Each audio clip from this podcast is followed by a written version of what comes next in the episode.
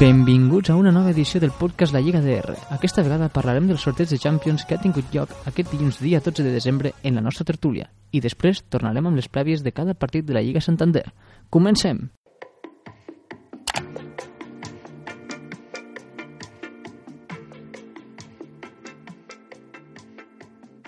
Benvinguts a la tertúlia. Avui parlarem d'aquest tan anomenat sorteig de la Lliga Campions, on parlarem una mica de com han anat els encreuaments i en què en pensem. Després d'una setmana tornem a tindre el nostre invitat Néstor, on va estar ausent el nostre últim podcast. Benvingut, Néstor. Molt bona tarda, Ricard. Com sempre, és un plaer estar aquí amb vosaltres. Doncs bé, com has comentat, ha estat molt sonat el tema del sorteig de la Champions un altre cop perquè sembla ser que hi ha sospites de tongo, com diran els aficionats, referent als emparellaments per a la fase classificatòria de la Champions. I és que sembla ser que un altre cop eh, la branca senzilla o el bracket senzill li ha tocat al Real Madrid, mentre que el canvi més difícil sembla ser que li toca recórrer al Barça. Tu què en penses d'això? Pues jo penso que, com cada any, porten una ratxa de 4 anys 5 de que sempre que deixin segons o primers de grup els ha tocat rivals fàcils i al Barça normalment sempre ha tocat un dels cocos o un rival bastant difícil com alguns anys normalment sempre tocava Arsenal o aquest any el PSG ja l'any passat potser també li va, tocar, li va, també va tocar un així difícil. I el Madrid aquest any mmm, sembla a priori que li tocaria un de xungo per quedar segon de grup però al final es veu que quedar segon de grup era més beneficiari pel Madrid que no pas quedar primer perquè com els equips espanyols espanyols han quedat primers de grups, pues, ha descartat bastants equips poderosos que estaven al mateix grup dels espanyols. I com que també han quedat segons, pues els evita. Llavors jo crec que molta sort, molta sort té o, com dic, hi ha alguna polèmica aquí en els sortejos que, que el sorteig sembla manyat. Tanta casualitat en què sempre hi toquen els més fluixos durant tants anys seguits eh, dona a peu a que al final se descobrirà alguna cosa. Tu què en penses de tot això? Doncs, bueno, a mi sembla que parlem del sorteig de la Champions, no, i parlem de que últimament el Real Madrid té moltíssima sort amb els emparellaments que li toquen a cada temporada. No deixa de resultar-me curiós, no?, com els, els merengues, els seguidors del Real Madrid, eh, van muntar tot un escàndol quan fa uns anys el president de la FIFA, tots recordarem aquell moment, eh, que potser dic fa uns anys, l'any passat, no me'n recordo bé, eh, durant una entrevista va deixar entreveure el seu favoritisme cap a que Messi aconseguís eh, la pilota d'or. I en aquell moment, doncs, aquella notícia, aquell petit fet aïllat en una entrevista, en una presentació, va fer que es muntés un gran auge i es muntés molta jarana alrededor de que igual els, les pilotes d'or que tenia el senyor Messi doncs no eren merescudes, no? No deixa de recordar mica això, és, potser estem parlant de que igual ha cert favoritisme als sortejos de, de la Champions, no? podríem dir, de la UEFA, potser ho porta, és la UEFA si no m'equivoco, porta tots els sortejos igual ha cert favoritisme cap al Madrid, no? Sí que és veritat que porta unes quantes temporades que no es té que trobar un Manchester, no es té que trobar a la defensa fèrrea de l'Arsenal, no es té que trobar cap equip a priori guanyador, mentre que el Barça sempre té que suor i sang per arribar a la final, no? que no deixa de meravellar-me aquesta capacitat del Barça de sempre lluitar, com, lluitar amb totes les seves forces i classificar-se sempre, tot i que cada any és més difícil. Sembla ser que aquest any contra el PSG i contra el, el temido Zlatan, eh, llegenda del futbol, i bueno, pues, a veure com es soluciona la cosa, a veure si en realitat és així. De totes formes, també dic que tot i que li toqui la part fàcil, el Madrid sempre acaba patint per arribar a la classificatòria final. Potser és per la qualitat de l'equip que igual fraqueja una miqueta a aquestes altures de la temporada. És on jo també penso que per això el Madrid té una mica més de favoritisme perquè potser a la UEFA no li interessa que eliminin tan aviat un equip de renom com el Real Madrid. I com que aquestes últimes temporades ha tingut un nivell bastant baix, cal dir-ho pese a guanyar dos Champions i, i no sé si una Copa del Rei, però recordem que les dos Champions que ha guanyat, les dues últimes Champions que ha guanyat, eh, les ha patit bastant i contra equips almenys fins a la final o semifinals, si molt apures, eh, no ha tingut rivals difícils. Mm, I si ja me fiques que a quarts i a vuitens ja amb rivals fàcils ho ha tingut complicat i amb una mica de sort, clar, el Madrid també és el Madrid, o sigui, pot tindre un partit bo i com va passar a la, a la seva dècima, els hi tocava un Bayern de Múnich tope poderós i els hi van fotre un 7 a 0 al Madrid el seu partit, els, els seus dos partits de la seva vida. Llavors, clar, o sigui, veient el nivell que té aquest any el Madrid, que va començar bastant fluixet, ara sembla que s'ha millorat, s'ha recuperat una mica, però sempre tenint una sort que no se dona trau, perquè porta com a dos o tres partits o empatant o guanyant-lo minut 90. A la UEFA no li, no li interessaria que el Madrid potser caigués a, a les primeres de canvi pel renom que té. Llavors, pues, potser hi ha aquesta mano negra que puguem dir aquí entre cometes que fa que el Madrid, pues, mira, li toquin rivals més, més fàcilets, entre cometes, perquè cal dir que el nivell de Champions és bastant alt, i el Barça els més cocos, perquè el Barça, com que sempre ha estat últimament un equip que costa molt de guanyar, que sempre sempre el favorit, i d'això, pues, bueno, que sempre hi ha més emoció, pues, ja començant a tenir partits als vuitens pues, més, més interessants i bonics de veure. Per altra banda, també estic sorprès de l'altre encreuament que hi ha i que m'intrigue, que és l'altre partit interessant que haurà vuitens respecte a comparacions de nivells, que seria l'Arsenal contra el Bayern de Múnich. Eh, és un partit bastant, serà un partit bastant igualat, però m'agradaria saber la teva opinió d'en aquest partit, de qui creus que podria guanyar o com se podria desenvolupar aquest partit. Bueno, abans de passar l'últim encreuament, faré un últim apunt que se m'ha vingut, vingut al cap escoltant-te i és que, com va dir un famós mestre de sermones en el seu moment, eh, todo sea por el espectáculo,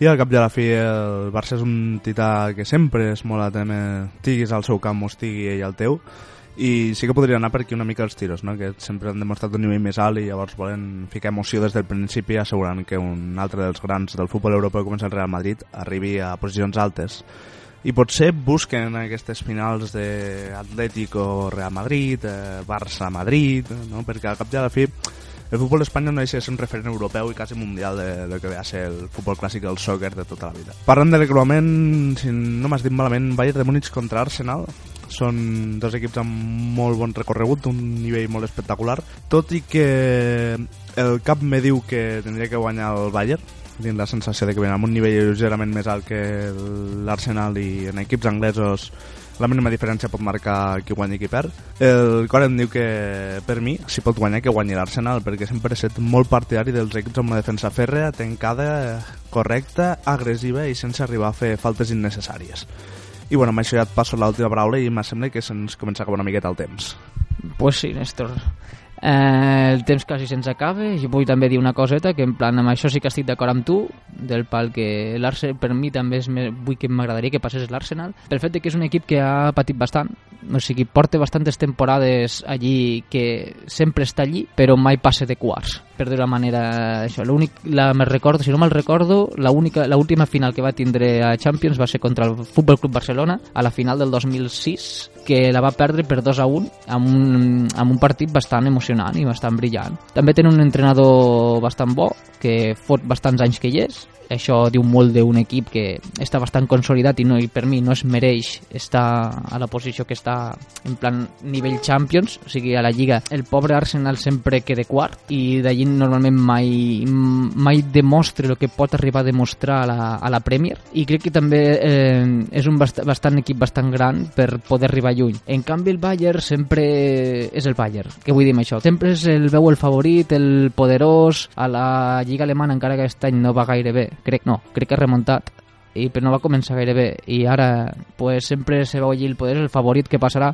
i sempre te queda millor aquella sensació de que vols que passi un altre, sigui, que sigui diferent i sigui més emocionant i això, per això a vegades també és una mica avorrit que sempre passin els mateixos. I bueno, ara sí, fins aquí ja se'ns ha acabat el temps pues acabarem la nostra tertúlia fins la pròxima setmana i ens podem anar despedint del nostre convidat Néstor. Fins la pròxima.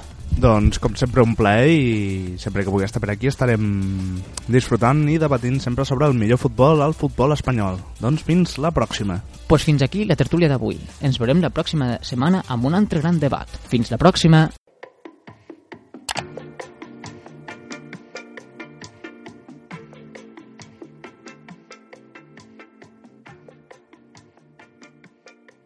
Fem una breu pausa i donem pas a la secció de les prèvies de la Lliga Espanyola. Fins ara! Suscríbete gratis a youtube.com barra la liga y entra en el mejor canal de la mejor liga del mundo. Con resúmenes de los partidos, goles, ruedas de prensa, entrevistas y playlists personalizadas para no perderte nada de tu equipo. El espectáculo de la Liga Santander cuando quieras y desde donde quieras. youtube.com barra la liga. Suscríbete a los canales de la Liga 1, 2, 3 y la Copa. Lo tendrás todo. Bones, ja tornem a estar aquí. Així doncs, comencem amb les. El primer partit, que es disputarà al Mendizorroza el divendres 16 de desembre entre l'Alavés i el Betis. Així que, som-hi! Dos equips directes que lluiten per escapar-se més de la zona del descens, ja que els dos tenen els mateixos punts i estan a la mateixa altura en la classificació, 13 i 14 respectivament. A estar a 6 punts de la zona crítica, una victòria de qualsevol dels dos podria ajudar a estar en una posició més de confort i respirar tranquils unes quantes jornades. Es presenta un partit igualat on l'empat és molt probable ja que estan en igualtat en resultats.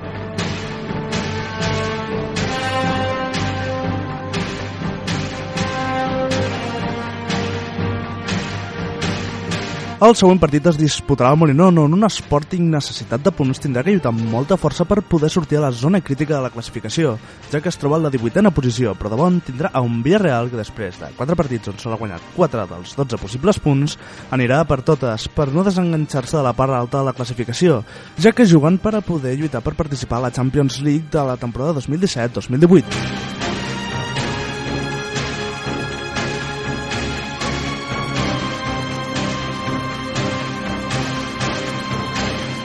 Aquí tenim un dels partits de la jornada. Dos rivals directes que a aquestes altures ningú s'ho podia imaginar, ni més ni menys que l'Atlético de Madrid contra les Palmes. Partit importantíssim per a ambes parts. L'Atlético, després d'una mala ratxa lliga, és sisè, i les Palmes, contra pronòstic, sol estar a 4 punts dels colchoneros. Pese a la gran avantatge de l'Atlético per jugar al Calderón, no es descarta que el sorprenent Les Palmes arranqui més d'un punt en la seva visita. La emoció està servida.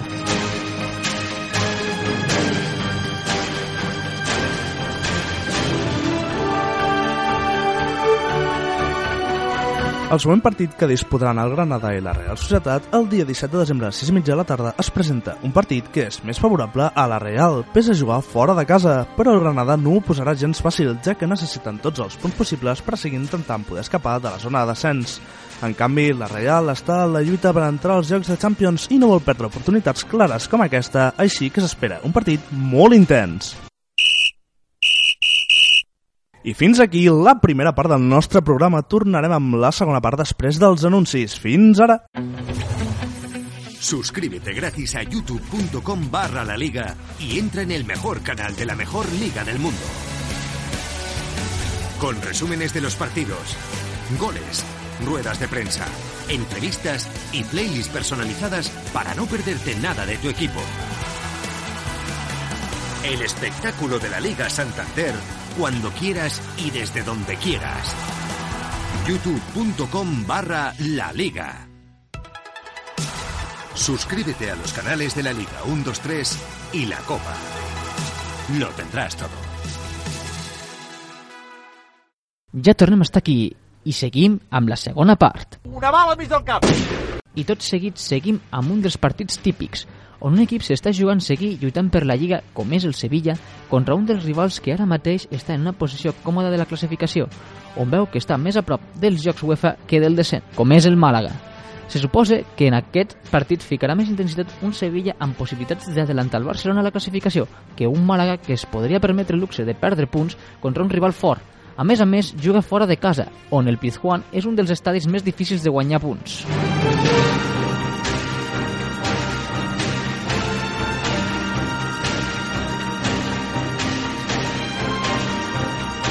El següent partit el jugaran el Leganés contra l'Eibar, dos equips que a priori haurien d'estar igualats, però per part de l'Eibar, que sempre acostuma a fer una molt bona primera volta, on acaba sempre en els puestos de dalt. Té un lleuger avantatge front al Leganés, que pese a jugar a casa i tenir un molt bon inici de Lliga, ha baixat molt precipitadament el seu ritme i porta una molt mala ratxa de resultats.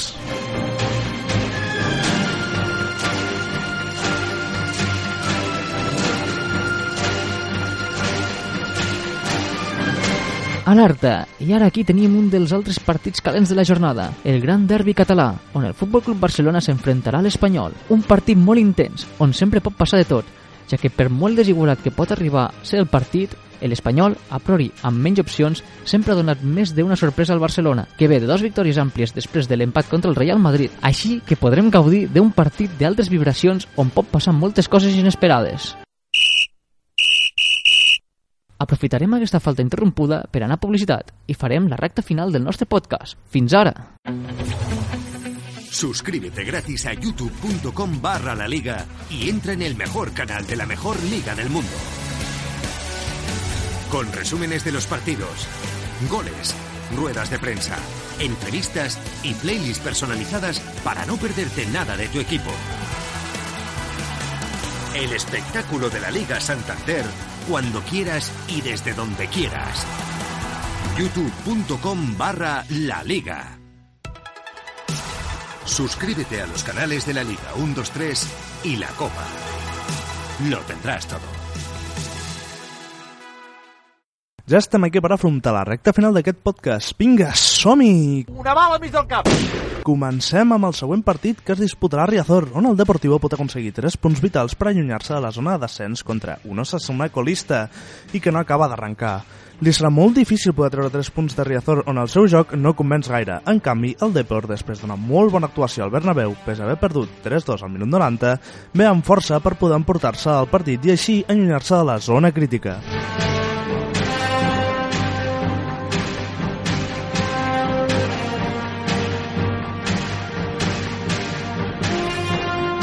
El següent xoc és entre l'Elit de Bilbao i el Celta, dos equips igualats en interessos i en què sol els separen dos punts de diferència. Així que la victòria és quasi imprevisible cap a on pot arribar a parar. Les possibilitats d'un empat entre aquests dos rivals és molt alta.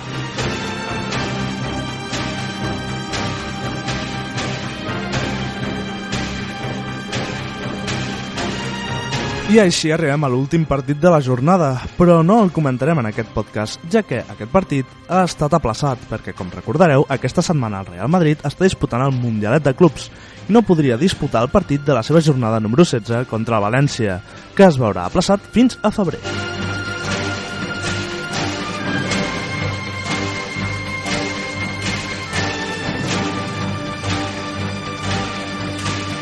Doncs fins aquí un breu resum dels partits de la jornada 16 de la Lliga Santander. Fins a la pròxima setmana. Adeu!